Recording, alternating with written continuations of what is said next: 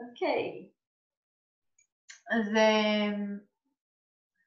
השבוע שמעתי שיחה של רוב, שהוא קרא לה Living the Truth, לחיות את האמת.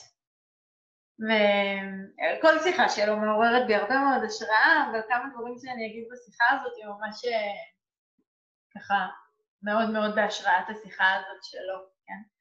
אני חושבת שהמושג הזה, אמת, הוא מושג שאנחנו הרבה פעמים שואלים את עצמנו לגביו כשאנחנו מתחילים כל סוג של תרגול, כן, שגורם לנו לאיזושהי תנועה של התבוננות פנימה, ואנחנו מתחילים לתהות לגבי הדברים, כן, מה, מה, זה, מה זה בעצם בחוויה האישית שלי, האם יש איזושהי אמת בכלל אבסולוטית אחת נכונה לכולנו, כן, דרך מסוימת לעשות את הדברים, או דרך מסוימת לחוות את הדברים, האם יש אמת שלי ואמת שלך, או אמת משותפת כזאת לעולם. וכמו כל דבר בדרמה, אז רוב אומר נורא יפה, כן, שיש כל מיני אמת, כן, ופשוט אפשר להסתכל על אופנים שונים של האמת הזאת, כן, בתפיסות שונות של האמת שלנו, וכמו כל דבר, החופש האמיתי מקורו לא באמת אחת מסוימת, כן, אלא בלדעת לנוע בין מציאויות שונות, בין אפשרויות שונות, בין סיטואציות שונות ובין תפיסות שונות של האמת, כן? זאת אומרת, יש פה משהו, אז יש דברים שאנחנו בהחלט יכולים לנוע ביניהם, ויש דברים שבהחלט אנחנו נגיד, כן, זה איזושהי אמות, אמת ש, שהיא קורית באופן המשכי, כן, ובאופן אה, רצוף לאורך כל הקיום שלנו. אבל אני לא חושבת שזה סוג האמת שאנחנו בדרך כלל מכנים אותו כאמת, כן? אז, אה, אז ככה חשבתי שנדבר על זה קצת. ונדבר על זה, ויש סיבה טובה לדבר על זה עכשיו, אני חושבת, כי חלק גדול מאוד ממה שהתרגול הבודהיסטי אה, הרבה פעמים עוסק בו, זה החוויה הזאת של אה, סבל, כן? ומה זה הסבל ומה זה הכאב, כן? ואנחנו גם רואים עכשיו איך התודעה שלנו, כן, מאוד מאוד מוטה בימים האלה לכיוונים מסוימים שמתפסים ודואגים ונוקשים ומתקשים, כן? ואיך בעצם אה, יש עוד כיוונים שאנחנו יכולים להטות אליהם את התודעה, ומאוד מאוד יכול להיות שאם חלק מהכיוונים האלה יתבססו על אופני התבוננות אחרים, הסיטואציה עצמה כמובן לא תשתנה, אופן ההתבוננות שלי לא, לא יכול להשפיע על אה, נגיף כזה או אחר, אבל היא כן מאוד מאוד יכול להשפיע על יכולת ההתמודדות שלי, מה שקורה, כן? וכשאנחנו מדברים על אמת, אני חושבת שזה מאוד מאוד קשור לזה. כי אם אני מגדירה אמת מסוימת מחדש, לא כאיזושהי אמת שהיא בהכרח או סובייקטיבית או אובייקטיבית, או כן, כאילו בכלל אני לא נכנסת לניסיון אמ, למדוד אותה באופן הזה, ובעצם, אה, אמ, איך אני אגיד את זה? אני בעצם מחפשת איזושהי אמת שנוכחת ברגע מאוד מאוד מסוים של החוויה. כן? ויכול להיות מאוד שאם גם בראי שבו אני מתבוננת, בעיניים שבהם אני מתבוננת על החוויה, הם יהיו עיניים שרואות בצורה יותר בהירה, תהיה יותר אמת באופן ההתבוננות הזאת, ואז זה יהיה אופן התבוננות שהוא משחרר יותר, אוקיי? יכול להיות שזו הקדמה לא מאוד ברורה, אבל אני חושבת שכשאני אתחיל לדבר על זה, זה יהיה הרבה יותר ברור, אוקיי?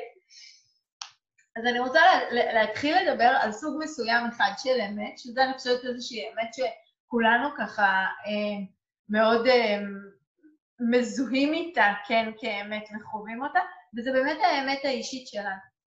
האמת האישית שלנו זה האמת שמתבססת על אה, מה שלפעמים יקראו לו הנרטיב, ובמילים אחרות, הדפוסים, ההרגלים שלנו, האמונות שלנו, המחשבות שלנו, ובגדול, ככותבת לכל זה, הסיפור שאנחנו מספרים על עצמנו. ולכל אחת ואחד מאיתנו יש לאורך השנים, כן, סיפורים שהתחלנו לספר על עצמנו. סיפורים שהם בעצם אה, מבוססים על אוסף של חוויות שעברנו, של אה, סיטואציות שחווינו אותן והיינו בהן, של תגובות שהגבנו, של רגשות שהרגשנו. ולאט לאט כל הדברים האלה מייצרים איזושהי אה, תנועה פנימית שאומרת, אה, לומדת להגיד, לזהות ולהגיד, את זה אני אוהבת ואת זה אני לא אוהבת. את זה אני רוצה ואת זה אני לא רוצה, כן? זה טוב לי וזה לא טוב לי. נכון? אנחנו כאילו כמו... אה, כאילו יש כזה את החיים עם איזשהו שומר מסך, ואני כל הזמן כאילו, יש לי מלא קבצים על השומר מסך, ואני כל הזמן גוררת קובץ לתיקייה כזאת, או לתיקייה כזאת, או לתיקייה כזאת.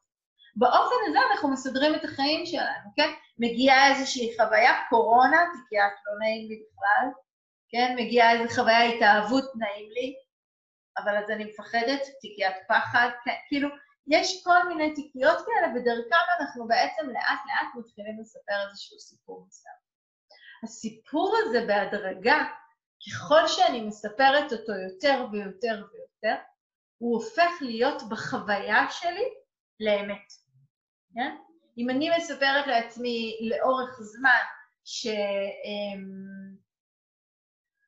אמ, תמיד מתאהבת בדברים הלא נכונים, אז לאט לאט זה לא איזושהי תחושה שבאה והולכת, אלא סיפור שאני מספרת, והסיפור הזה מקבל איזשהו מימד בחוויה שלי שהוא מאוד אמיתי, שהוא מאוד משמעותי, שהוא מאוד חשוב לחיים שלי, נכון? יש משהו בסיפורים האלה שאני לא רק מאמינה בהם וחושבת שהם אמיתיים, אני גם חושבת שהם חשובים, כן? שהם משמעותיים באיזשהו אופן לקיום שלי, יש להם איזושהי... אה, אה, יש להם איזשהו חלק מאוד גדול במי ומה שאני. דרך הסיפור הזה אני למעשה מכירה את עצמי. ומה שקורה זה שככל שאני לאט לאט מספרת את הסיפור הזה יותר ויותר פעמים, אז אני בעצם אה, נצמדת יותר ויותר לסיפור, מתנתקת במקביל יותר ויותר מהרגע הזה, ואז יש לי את האמת של הסיפור, אבל יש פה איזשהו רגע שקורה, והרבה פעמים הסיפור לא באמת חל עליו, אבל אני כבר דבקה בגרסה הזאת, כן? מכירים את זה גם מדברים אחרים, שהרבה פעמים, once אה, אה, גיבשנו איזושהי עמדה על משהו, לרובנו יהיה מאוד מאוד קשה לסגת ולהגיד, וואלה, אה, האמת שזה לא נכון, האמת שטעיתי, כן, האמת, ש... האמת, ש... האמת שפתאום עכשיו אני רואה את כל התמונה ואני מבינה שהייתי יכולה לעשות ככה או שבכלל אני מעדיפה משהו אחר. זו לא כל כך חוויה שאנחנו חווים הרבה ביום-יום שלנו. בדרך כלל once יש לנו דעה מסוימת, אנחנו נוטים להמשיך איתה.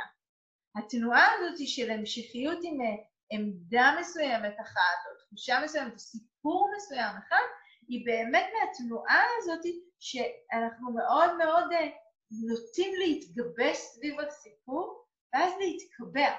כאילו אנחנו אה, מכים שורשים בסיפור בצורה מאוד מאוד קלה, כן? מאוד, אה, לא קלה, קלה זה לא המילה הנכונה, אה, כמעט טבעית, כן? זה גם לא מילה כל כך טובה. נוח לנו שיהיה לנו סיפור, כן? זה, זה אולי הדרך הכי פשוטה ונכונה או מדויקת, אני חושבת להגיד את זה. נוח לי שיהיה לי סיפור שאני מכירה, ודרכו אני בעצם יכולה להתגשם בעולם. עכשיו תשימו לב שקורה משהו שלאט לאט הסיפור הזה גם מייצר איזשהו, כמו ביצה ותרנגולת, דפוס כזה של ביקורת עצמית, כן? כי יש לי איזשהו סיפור, ואז אני מבקרת את עצמי בתוך הסיפור הזה, ואני גם מבקרת כל משהו מחוץ לסיפור הזה, כן? אם פתאום נגיד יש לי איזשהו, יש לי סיפור על עצמי בתור, אה, אני בן אדם מאוד אחראי ומסודר. ואז uh, קרה משהו ושכחתי, ממש שכחתי מאיזה פגישה, או שכחתי מאיזו התחייבות שהייתה לי, ואני בתוך הסיטואציה של האי-נעימות הזאת, והביקורת העצמית כן מרימה את הראש שלה ואומרת, מה קרה לך? זו לא את. זאת אומרת שיש ביניהם איזושהי מערכת יחסים. וככל שהסיפור שלי מהודק יותר, הביקורת העצמית שלי בהקשר שלו תהיה חריפה יותר. וככל שגם הביקורת העצמית שלי בהקשר מסוים תהיה חריפה יותר, הסיפור שהיא תייצר יהיה מהודק יותר. כן? זה, זה, זה ברור מה שאני אומרת, כן? הם, הם הולכים לשני הכיוונים, כן? ואז הם יוצרים איזושהי אה, חוויה מאוד מאוד מאוד נוקשה של העצמי. והחוויה המאוד מאוד נוקשה הזאת של העצמי, הסיפור הזה, כפי שקראנו לו עכשיו, נחווה אצלנו כמה? כאמת. זו האמת. כן? אני באמת בן אדם כזה וכזה, ואני לא באמת בן אדם כזה וכזה. כן? זאת אומרת, יש לי איזשהו סיפור, והסיפור הזה בעיניי מייצג את האמת. עכשיו, דבר מאוד מעניין לבדוק על הסיפורים האלה, תנו לי רגע, תנו לעצמכם לרגע לחשוב על איזושהי אמת מאוד מאוד אישית, לא אישית סודית, כן? אמת על העצמי שלכם, שהיא מרגישה מאוד מאוד מאוד אה, מושרשת ככה טוב, כן? חזקה, עם סיפור מהודק כזה, ואז תנו למישהו שמאוד מאוד אוהב אתכם, לספר את האמת שלו עליכם. האם היא תשמע אותו, אותה אמת? כן? סוכן לא עם הראש. קשה לי להאמין שזאת תהיה אותה אמת, נכון? כן? ויכול להיות שיהיו בה דברים דומים, כן? זה לא שפתאום אה, נספר על אנשים מאוד מאוד שונים, אבל גם סביר להניח שיהיו בה חלקים שהם יתוארו ויסופרו בצורה מאוד מאוד מאוד שונה. ומה שאנחנו רוצים להתחיל לראות בזה שזה, רגע, אז אולי זה אומר שמה שאני חווה כאמת, אז קודם כל להגיד את זה, זה לא אומר שהוא לא נכון, אבל אולי הוא לא אמת מוחלטת, אלא רק החוויה שלי והאמת שלי, אבל ברגע מסוים. ופה יש חלק שנורא נורא חשוב לדייק ולשים לב אליו, כן? כשאני מדברת על משהו ואני אומרת, זה לא בדיוק אמת, או זה לא כל האמת, כן? אני לא רוצה להגיד שזה לא נכון, אלא אני רק רוצה להגיד שאולי זה נכון ברגעים מסוימים, וזה לא בהכרח נכון ברגעים אחרים. זה לא שאם אני אומרת אני בן אדם אה, מסודר ואחראי, אז זו לא אמת. זו פשוט לא כל האמת, וזו לא תמיד האמת, וזו לא האמת היחידה. לצידה יש עוד כל מיני אמיתות? כן, זה, זה, זה ברור? בעצם ככל שהסיפור שלנו הופך להיות יותר ויותר מהודק, מתחילה להיווצר אצלנו הנטייה להתחיל לשים לב רק לפרטים שקשורים לסיפור הזה, ולא לשים לב לפרטים שקשורים לתמונה הרחבה יותר, שהיא למעשה גם חלק מהסיפור המאוד אה, אישי של העצמי שלי ושל מהו העצמי. ופה בעצם נכנסת האיכות הכל כך יפה הזאת של מיינדפולנס, כן? תרגול של מיינדפולנס, האיכות המנטלית, כן? מיינדפולנס זה לא רק תרגול, אלא ממש איכות מנטלית. האיכות המנטלית של מיינדפולנס עוזרת לי להתחיל לראות את התנועה, את התנועתיות שקיימת באמת האישית של כל חוויה שלי, כן?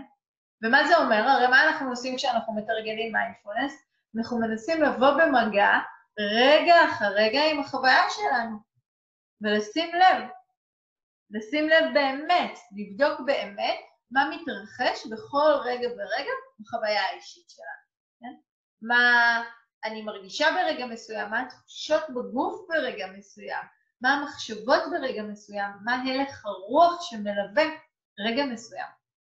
כשאני מתחילה להפנות את התשומת לב המאוד מאוד מאוד אה, עדינה ומתעניינת, כן? ממש מתעניינת ובודקת את החוויה כזה, ממש כאילו, אה, לא יודעת, עולה לי קצת הדימוי אה, בהודו שהם כזה, אה, עולות את, את, את האורז, אני לא יודעת מה הן עושות שם, בוררות אותו, כן? מוציאות את, ה, את הגרגירי האורז הלא טובים, כן? אז, אז קצת ככה אנחנו עושים לחוויה, לא במובן החופר, אלא במובן הממש מתבונן לעומק וקצת מפריד אותה. מגוש אחד גדול, של קשה לי, כואב לי, לא נעים לי, טוב לי, אוהבת, לא אוהבת, כן? למה יש פה בעצם? יש פה תחושות של גוף, יש פה חוויה רגשית, יש פה מחשבה, יש פה איזה דחף ותגובה, כן? יש פה את כל הדברים האלה. וכשאני מתחילה לראות את כל המרכיבים האלה בנפרד, אני בעצם יכולה גם להתחיל לראות שיש פה חוויה מסוימת, אבל החוויה הזאת היא מורכבת מתחושות, מחשבות ורגשות שמתקיימות ברגע מסוים, אבל מפסיקות להתקיים ברגע אחר. אז זה לא אומר שהחוויה שלי היא לא נכונה, או שהיא שקר. זה רק אומר שהאמת הזאת, שאני מנסה להחזיק אותה לאורך זמן כמשהו יציב וקבוע, הוא בעצם מבנה הרבה יותר גמיש. אני באמת מאוד מאוד עצובה ברגע מסוים, ואני באמת מאוד מאוד שמחה ברגע אחר. אני באמת שונאת את הקורונה רגע אחד, ואני ברגע אחר ישנה צהריים, כן? אני משלימה שעות שינה. זאת אומרת, כל הדברים האלה קורים ביחד. הנטייה שלנו היא לנסות נורא נורא לבחור סיפור אחד. אני או בעד או, או נגד. אני או אוהבת או לא אוהבת, כן? והתרגול בעצם אומר לנו, אמ, גם הוא אמר את זה נורא יפה בשיחה, הוא אמר את זה בהקשר אחר רוב, אבל הוא אומר את זה, אם יש לנו שתי רגליים, למה לנו לעזאזל לקפץ על רגל אחת כדי להגיע ממקום למקום, כן? וזה נורא נורא קשור בהקשר הזה, כן? אני לא חייבת לבחור סיפור. אני רוצה רק להיות מודעת אל החוויה שלי ולאפשר, לגמרי לאפשר לאמת מסוימת להופיע ברגע מסוים, אבל לדעת שזה לא אומר שהיא חייבת להמשיך להופיע בכל רגע אחר. אני יכולה לבדוק מתי נכון לי להחזיק את האמת הזאת של אני בן אדם אחראי ומסודר, ומתי נכון לי להגיד, לא כרגע, כרגע אני רוצה להיות משהו אחר. כן? כרגע מתאים לי יותר, או נכון לי יותר, או נבון לי יותר, או מיטיב עבורי יותר, להחזיק אמת אחרת, שהיא גם חלק מהחוויה שלי, הרי היה רגע אחד בחיים שהייתי לא אחראית ומסודרת, כן? או ש, שפתאום הייתי משהו מאוד מאוד אה, מבולבל, כן?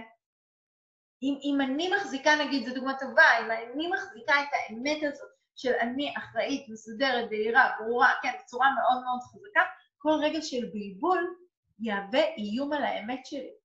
מה קורה לשני אנשים שיושבים בחדר ואין להם את אותה דעה פוליטית? איך מתרחש הדיון ביניהם? דיון זה אה, אה, הגדרה מעניינת לזה. הרבה פעמים יהיו שם הרבה מאוד התנגחויות והתנגשויות, אה, לא התנגשויות, נוקשות כזאת בדיאלוג ביניהם, כן? הרבה פעמים ממש יופיע בתור קונפליקט, כי כל אחד מחזיק אמת והוא נורא נורא רוצה לשמור עליה. נורא חשוב לו. כן? זה, זה, זה, זה, זה ברור מה שאני אומרת? תרגול המיינדפולנס, כן, תרגול המדיטציה, בכלל, תרגול הבודהיסטי, מה שהוא מציע לנו, זה לא להגיד, לא, אין לי חוויה, זה לא אני, שום דבר לא קיים, אלא רק להגיד, כן, זו אמת אחת. אבל יכול להיות שיש אמת נוספת. יכול להיות שדברים נוספים לצד החוויה הזאת, כן? משהו שמאוד מאוד עשינו היום בתרגול המדיטציה זה, לא, זה לא שראיתי נגיד תחושה בגוף ואמרתי, בואו נתעלם מהברך. רק אמרתי, אוקיי, בואו נראה שיש תחושה בברך, אבל בואו נראה שיש גם גוף שלם פה. ובאותו אופן אני רוצה לעשות לתנועה הזאת של האמת האישית הזאת. ואיך אני עושה את התנועה הזאת של האמת האישית הזאת, איך אני לומדת לראות את התנועתיות שבאמת האישית, ופה אנחנו יכולים בעצם, התרגול מציע לנו לראות איזושהי אמת שהיא אוניברסלית יותר. ומה זה אומר אמת שהיא אוניברסלית יותר? זו אמת שלא עוסקת בנרטיב עצמו, בסיפור עצמו, בפרטים עצמם של חוויה כזו או אחרת, כן? אלא אמת שמתחילה להתעסק בטבע של התופעות עצמן. ומה זה אומר הטבע של התופעות עצמן? אז בודה מדבר על זה כשלושה מאפייני קיום, שהם בעצם הם, באים כדי להסביר לנו קצת את הטבע עצמו של הקיום שלנו. לא כאיזה אה, סיפור מסוים, שאני רוצה לתאר חוויה מסוימת ולהבין אה, חוויה מסוימת, מה היא אומרת או לא אומרת, כן? אלא איזשהו משהו שהוא רחב יותר, כן? שהוא, שהוא באמת יכול לתפוס על, על כל מה שנוכח בחוויה שלנו. ושלושת המאפייני קיום הראשון ביניהם זה הארעיות, זה הניטשה, כן? האפשרות uh, לראות שלכל תופעה, כל תופעה, כל דבר שמופיע מטבעו גם להתפוגג, כמו שאומר הבודה, כן? אמר. אין שום תופעה, כן, ולא, ולא משנה איזה, ותופעה אני קוראת לה, כשאני אומרת תופעה, אני בעצם מתכוונת לרגש, למחשבה, לתחושה. תערערו לזה רגע. האם יש איזשהו רגש או תחושה או מחשבה שבאמת מלווים אתכם באופן רציף לאורך כל החיים שלכם? מי מזמן ועד היום? כן? אין שום דבר כזה, תחשבו על השבוע האחרון. איזה קשת מטורפת של תחושות, מחשבות ורגשות הספקתם לעבור בכל רגע ורגע. וכל זה שאתם יושבים בבית בבידוד, וכאילו שום דבר לא קורה, כן? אין שום דבר שהוא באמת נשאר, כן? אני מנסה לאחוז במשהו ואני רואה שמעצם זה שניסיתי לאחוז אותו, הוא כבר הספיק להשתנות. משהו כבר הספיק להפוך להיות שם קצת אחרת, כן? ומה שאני רוצה לאט לאט לשים לב, זה לא לזה שבהכרח אה, הוא נעלם או בהכרח הוא מופיע, אלא לזה שכל התנועה הזאת כל הזמן קורית. הדברים מתחילים ומסתיימים. יש להם התחלה, אמצע וסוף. יש להם רגע של הופעה, רגע של איזושהי השתנות ורגע של איזושהי התפוגגות. כשאני לומדת לראות את התופעה הזאת, תחשבו על זה, זה נורא ברור לנו, נכון? זה לא שאני אומרת פה משהו ואתם אומרים, וואו, לכל דבר יש התחלה, אמצע וסוף. אנחנו יודעים את זה קוגנטיבית. אבל, האם אנחנו יודעים את זה עכשיו, על הזמן הזה שאנחנו יושבים בבית?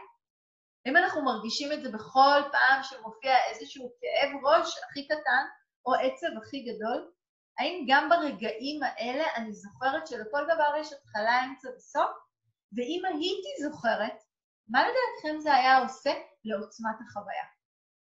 האם היא הייתה נשארת אותו דבר, או שמשהו באופן ההתבוננות של דרך ראייה שרואה ארעיות, היה משנה משהו בחוויה עצמה?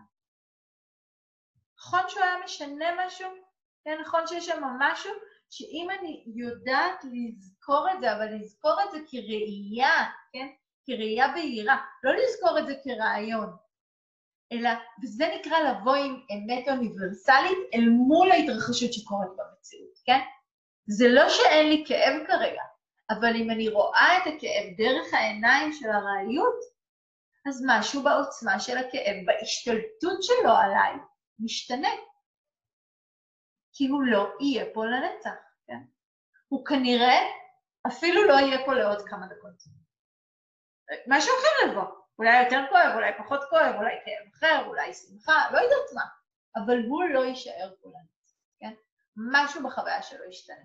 בגוון, בצבע, בריח, בטעם, בעוצמה, בצליל, בהשפעה. כן? משהו הופך אחרת. מאפיין הקיום השני, זאת אומרת אופן ההתבוננות השני שבודה מציע לנו להביט על הדברים, זה הדוקה, כן? סבל. ומה זה אומר להביט בדברים דרך העיניים של דוקה? זה בעצם להבין ולראות שבכל התופעות יש את הפוטנציאל לגרום לנו מידה מסוימת של אי נחת. וזאת למה? מכיוון שביחס לכל תופעה נעימה שאנחנו חוות או מרגישות, בכל פעם שאני מרגישה משהו שנעים, שאני אוהבת, מיד מתעורר בי הדחף לרצות עוד, לאחוז, להשתוקק, כן, אני כל הזמן מנסה למשוך אליי את הנעים, וכשהוא מגיע להחזיק אותו, כן, שיישאר ולא ילך, כן. מעצם התנועה הזאת שאוחזת בנעים, מיד גם באיזשהו שלב התעורר הפחד הזה מזה שהוא ישתנה, ילך, יעבור, ייגמר, ואז עולה המחשבה הלא נעימה, אותה אני מנסה מאוד מאוד לעזוב. אם אני רואה שזה איזושהי תנועה בסיסית, כן? אם אני רואה שאני אמ, יושבת במדיטציה ומתחילה לזוז כי כואבת לי הברך, ואז אני מתחילה לספר לעצמי, כן? ש- שהמדיטציה הזאת לא עובדת טוב, כי כואבת לי הברכיים וכואב לי הגב ואני לא יכולה לשבת בשקט, אם אני במקום להאמין לסיפור הזה, פשוט מסתכלת על החוויה הזאת ואומרת, אה, זו רק דוקה, זו בסך הכל אי נחת. ומה שמייצר פה את עיקר הסבל זה לא אי הנחת הבסיסית שקורית מזה שאני יושבת למדיטציה, אלא מזה שאני מנסה להילחם בקיום של אי הנחת. כשאני אלמד לקבל את העובדה שאי נחת, במידה כזו או אחרת, תמיד יהיו חלק מהחיים שלי, בדיוק באותו אופן, שכל האיכויות היפות כמו אהבה ושמחה, כן, וחמלה ויציבות גם יכולות להיות חלק מהחיים שלי, כשאני אקבל את הקיום של כל המשתתפים בקרנבל ולא איאבק בהם, תהיה לי מידה הרבה הרבה יותר פחותה של סבל. עדיין יהיה לא נעים וכאב, אבל אני ממש לא בהכרח אסבול כל כך. כן? אז, אז, אז זה משהו לראות את זה, כן? לראות ברגע מסוים, כן? זו, זו רק דוקה. זו רק דוקה שעולה עכשיו, כן? זו רק התנועה הזאת שמנסה להתנגד, כן, או להיאבק, ואם אני רק אפסיק להיאבק ואסכים לזה שיש פה עכשיו לא נעים, אני עומדת לסבול הרבה הרבה פחות. אופן ההתבוננות השלישי שמציעים לנו בתרגול נקרא ענתה, וענתה בעצם מדבר על אה, התובנה שאומרת, ודיברנו על זה קצת בהקשר של הסיפור והנרטיב, כן? שאין איזשהו עצמי אחד יציב וקבוע. יש המון חלקים שלנו. זה לא שהם לא נכונים, זה לא שהם לא אמיתיים, הם בהחלט חלק ממי שאני. בזמן מסוים, בסיטואציה מסוימת ובתנאים מסוימים. לזכור את התוספת הזאת. גם כשאנחנו שומעים על הטיצ'ינג הבודהיסטי, והרבה פעמים אנחנו שומעים כן, כן, אין אני, אין אני. אנחנו לא מדברים על זה שאין אני. אנחנו מדברים על זה שאין איזשהו אני שהוא יציב וקבוע לאורך כל החיים. ואני רוצה לתת את זה בדוגמה מאוד מאוד אה, פשוטה יחסית, כן? ביומיומית, כן? אפילו מהימים שלנו. אם אני אומרת לעצמי, נגיד, אה, אה, כשמתחיל הסיפור הזה עכשיו של הבידודים האלה, כן? שאנחנו צריכים לשבת בבית, ואני אומרת לעצמי את המשפט, אני לא בן אדם שמסוגל לשבת לבד בבית, אני בעצם פוגשת סיטואציה מסוימת מתוך חוויה של אני קבוע.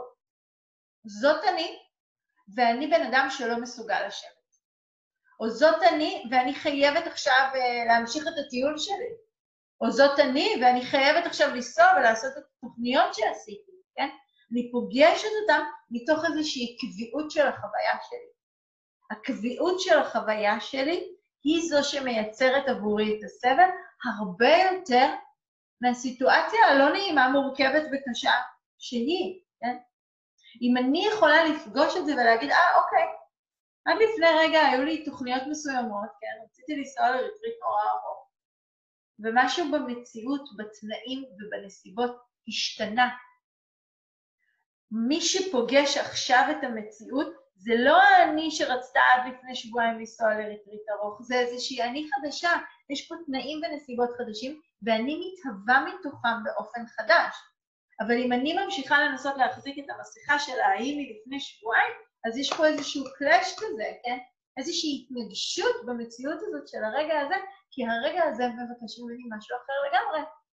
הוא מזמין איזשהו אני חדש שפוגש את מה שיש ושואל למה הרגע הזה באמת זקוק, למה אני זקוקה, מי אני בתוך הרגע הזה, כן?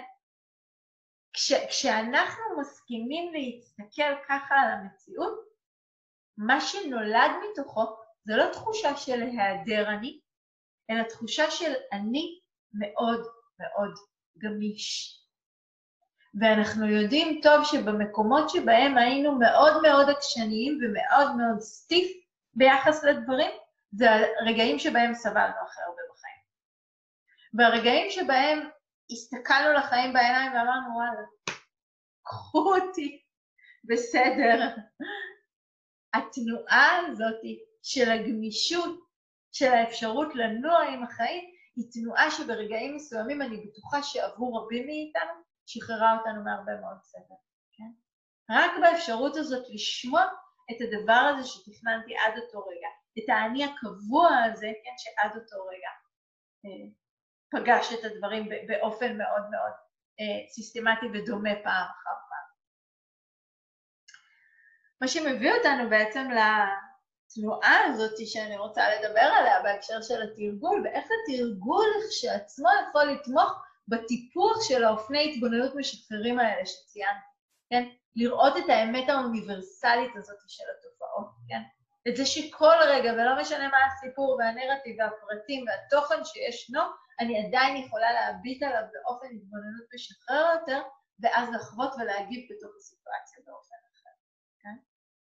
והאיכות הזאת היא בעצם איכות אה, שדרושה לנו לשם כך, היא איכות של ויתור. בתנועה של ויתור, שהיא... אני חושבת שכאילו המילה ויתור בעברית היא לא כל כך סקסית, כן? ואפשר להגיד שחרור, ואפשר להגיד שמיטה, כן? ואפשר להגיד הרפאיה מי, אפשר להגיד הרבה דברים אחרים. אבל אני חושבת שאם נסכים לרגע לפגוש את המילה הזאת ממש כפי שהיא, כוויתור, וננסה להקדיש רגע לחשוב על מה אני מוותרת. אני יכולה לוותר על אופני התבוננות לא מיטיבים לדוגמה. אני יכולה לוותר על אה, אה, התנהלות מסוימת, כן? אה, איזושהי אה, אה, נוקשות מסוימת שלי ביחס לחוויה מסוימת. אני יכולה בעיקר פשוט לוותר על הצורך שלי לאחוז במציאות מסוימת, בצורה מסוימת ובאופן קבוע ולאורך זמן. וכשאני מסכימה לוותר על מציאות מסוימת, על אפילו אני, אני אגיד משהו שאולי לחלק יעשה איזשהו קיבוץ, כשאני מסכימה לוותר על חלום מסוים, אני בעצם מפנה המון המון מקום לרגע הזה להגיע ולהתהוות מחדש עם כל מה שהוא יכול לאפשר לי. בשביל לתת באמת מקום, בשביל לראות, כן, שיש שמיים כחולים ויש אוויר נקי בכל המקום, כן? וש, ושאנשים מתחברים זה לזה ומתקשרים ומדברים ודואגים ותומכים, בשביל לראות את כל זה, אני חייבת לוותר על התפיסה שהקורונה זה דבר נורא. אני צריכה לפנות את עצמי מתפיסה אחת כדי לאפשר לעצמי מקום ומרחב וחופש לתפיסה אחרת, כן? והרבה פעמים אנחנו נמצאים ברגעים מסוימים בחיים, ותפיסות מסוימות נוכחות שם, והן כל כך אוחזות אחיזה חזקה בתודעה שלנו, שאנחנו לא מצליחים להשתחרר מהן ולתת מקום למשהו אחר להופיע, כן? אז יכול להיות שכשאנחנו חושבים על זה ככה, אולי ויתור זה לא כזה דבר נורא, כן? אולי, ולמעשה, כן? ויתור זה בעצם ה, ה, כמו השער שלנו אל עבר החופש הזה, אל עבר האמת של הדברים כפי שהם מופיעים ברגע מסוים, כן? כשאני ממש מחליטה להקדיש את עצמי, אני אגיד, כן אפילו, לחקר הזה של האמת, אני מתחילה לראות דברים דרך אותם מאפייני קיום שדיברנו עליהם, הניטשה דוקה אנטה, הארעיות, אי הנחת שמפעילה אותנו, וההיעדר העצמי הקבוע, כשאני מתחילה לראות את הדברים דרך האמת הזאת, ולא דרך האמת האישית שלי, בעצם נהיה הרבה יותר חופש. אז כשאני מדברת על ויתור בהקשר הזה, אני מדברת על בעצם ויתור של איזושהי תפיסה מסוימת שאומרת שיש אמת אחת ודרך אחת, ואני אחד, והוא תמיד נכון לאורך כל החיים, כן? והוא תמיד יגיב אותו דבר, והוא תמיד ירצה אותו דבר. וכשאני מסכימה לוותר על סוג מסוים של האמת האישית הזאת, לא, לא כדי להגיד שהיא לא נכונה, אלא כדי להגיד, את היית נכונה לרגע מסוים, את לא בהכרח נכונה עכשיו. יכול להיות שהרגע הזה מביא איתו משהו אחר. ולעשות את הסוויץ' הזה לראייה דרך האמיתות האוניברסליות האלה יותר, שהן תמיד יכולות להוליד מתוכן יותר חופש. אז אני רוצה להציע איזה שהם ארבעה אה, אספקטים כאלה, שיכול להיות שלכל אחד מאיתנו, ככה, עם זה יחסית אנחנו נסיים את השיחה, כן, אבל ארבעה אספקטים ש, שאולי אם אפילו נבחר אחד מהם, שדרכו נרצה לדבוק באיזושהי תחושה של ויתור על משהו, כדי לחתור לאיזושהי אמת משחררת יותר, כן? אז ויתור הראשון שאנחנו עושים הוא הוויתור ברמה המאוד מאוד פרקטית, פשוט תרגול המדיטציה. קודם כל, מעצם זה שאני מזמינה את עצמי לתרגול המדיטציה, אני מזמינה את עצמי לתנועה שמוותרת לרגע על כל שאר הגירויים האחרים, על כל שאר העיסוקים האחרים, ומקדישה את עצמי לדבר אחד. אני לא עושה מדיטציה עם טלפון ביד, אני לא עושה מדיטציה תוך כדי שאני עושה עוד דברים, כן? זה, זה אספקטים אחרים של התרגול, הם אפשריים, כן? וכשאני מדברת על מדיטציה בתרגול הפורמלי. ובתוך המדיטציה עצמה, אם תחשבו על זה, זו התנועה שאנחנו מתרגלים כל הזמן. ויתור ושמיטה של הנטייה ללכת עם כל הגירויים שמנסים למשוך את התודעה שלנו, כדי להתמקד ולהתייצב באובייקט אחד שאותו בחרנו, כמו הנשימה, כמו התרחבות בגוף, כמו גם הכרת תודה. לא כל כך משנה מה האובייקט. בעצם זה שאני בוחרת להכיר תודה, אני מוותרת על כל התחושה הבלתי מסופקת או הממורמרת שמלווה אותי ברגעים אחרים. לא ויתרתי עליה לכל החיים, ויתרתי עליה לכרגע. לרגע הזה של התרגול הזה. אספקט אחר שאנחנו יכולים לתרגל בו ויתור בחיים, זה על הרגלי הצריכה שלנו. ובימים אלו אולי התרגול הזה מומלץ במיוחד לבחירה, כן? מה אני צורכת? והאם הוא מיטיב איתי? האם הצריכה הזאת של ynet, של וואלה, של פייסבוק, של אינסטגרם, האם הצריכה הזאת של אוכל מסוים עכשיו שאנחנו יושבים כל היום בבית, האם הצריכה של אה, קשרים מסוימים אפילו, האם היא מיטיבה איתי, ואם לא, האם אני יכולה לתרגל את האפשרות לוותר עליה במידה שמתאפשר לי. לא, זה לא בהכרח לזרוק אותנו לאיזשהו תרגול סקפני שמיד כאילו אה, אה, נשמוט את הכל, כן? זה גם לא כל כך יצליח, וכנראה שאם זה יקרה, זה אולי יוביל אותנו לעוד יותר סטרס. אבל לבדוק ממה אני כן יכולה לעבוד. מה אני כן יכולה לאט לאט להניח לו ולשחרר מעט ולאפשר משהו אחר, כן? ויתור נוסף, כן, שאנחנו יכולים לעשות זה ויתור על אה, הרגלים, הרגלים מנטליים לא מיטיבים. לבדוק מתי אני יכולה לוותר עליהם. מתי אני יכולה לוותר ולהניח קצת לכעס, מתי אני יכולה לוותר ולהניח קצת אה, אה, לאכילת יתר או לאכילה רגשית, מתי אני יכולה לוותר על עישון, כן? מתי אני יכולה לוותר על כל מיני ממסכי תודעה? מתי אני פשוט יכולה קצת להניח לדברים, כן? להרפות מהם.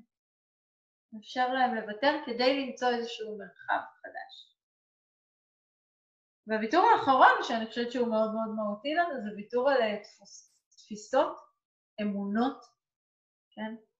ורעיונות שיש לנו. ואני חושבת ש, ש, שעכשיו זה זמן מאוד מאוד טוב להביט בזה, כי אני בטוחה שלהרבה מאיתנו, אם נשים לב, יש ברקע איזושהי תפיסה שאומרת שכדי להיות מאושרת, אני צריכה להיות בהודו. או כדי להיות מאושרת, אני צריכה שיגמר הבידוד. או כדי להיות מאושרת, אני צריכה שישמר הבידוד. רק ככה טוב לי באמת, בשקט הזה. כן? תשים לב לסוג התפיסות האלה שהן בעצם יושבות לנו ככה ברקע, אבל הן מתנות את כל ההתהוות שלנו, את כל ההוויה שלנו, ובכך מייצרות סבל. אני לא חייבת להחליט איזה תפיסה אחרת תהיה טובה, אני רק יכולה להתחיל לשאול את עצמי שאלות מאוד מאוד עדינות שאומרות, האומנם? באמת? אם אני חוזרת עכשיו למילה באמת, כן, האמת, זו באמת האמת? ואם כן, ואולי זו באמת האמת של החוויה שלי, האם היא נכונה תמיד? האם היא נכונה לנצח? או שאולי היא נכונה בזמנים מסוימים, ברגעים מסוימים, בסיטואציות מסוימות, אבל לא תמיד, ולא בהכרח עכשיו. ואולי אני יכולה להסכים לשמוט. כן? יש uh, חופש מאוד גדול שיכול להיוולד כשאני מסכימה לשים את הראייה דרך האמת בראש סדר העדיפויות שלי. כי אז אני בעצם בכל פעם שאני נפגשת, ממש נפגשת עם סיטואציה מסוימת, עם מורכבות מסוימת, כן? ואני יכולה לשאול את עצמי ברגע הזה, מה קורה עכשיו? אני אגיד, אני סובלת. אני אגיד, למה את סובלת? כי לא קורה מה שאני רוצה, כן? אני רוצה להיות בהודו, כן? אז, אז יש סבל.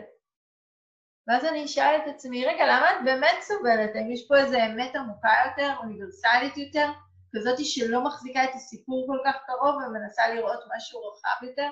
ואז אני אראה, אה, אוקיי, אני סובלת כי יש פה האחזות. אני סובלת כי אין פה ראייה של ארעיות.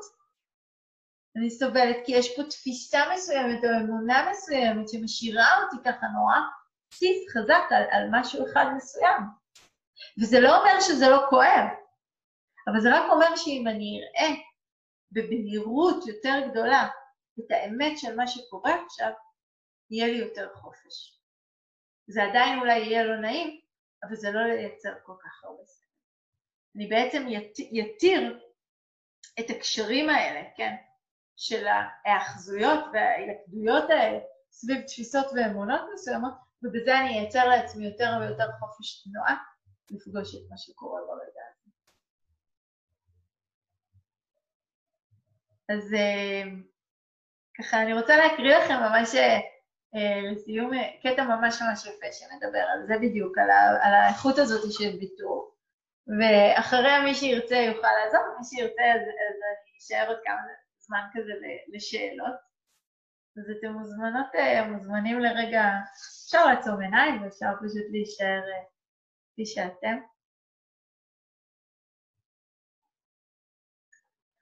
מתוך איזשהו טקסט שכתב מורה שאני לא מכירה, אבל הוא כתב נורא יפה, קוראים לו קורדו פרנסה.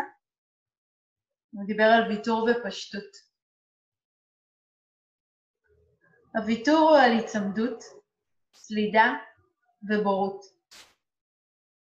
ויתור על כל מה שרעיל, כל מה שמהווה נטל מיותר על חיינו. כל אשר מסבך את חיינו ויוצר בהם קשרים באופנישדות נאמר כי השחרור הוא התרת הקשרים של הלב. אם כך, כל מה שהוא קשר בלב הוא דבר שיש לוותר עליו, לשמוט אותו, לשחרר אותו. ויתור הוא בעל תפקיד מרכזי בנתיב השחרור, נתיב ההתרה של מה שקשור, מה שהינו קשר. ויתור הוא למעשה התרגול הישיר של אי האחדות.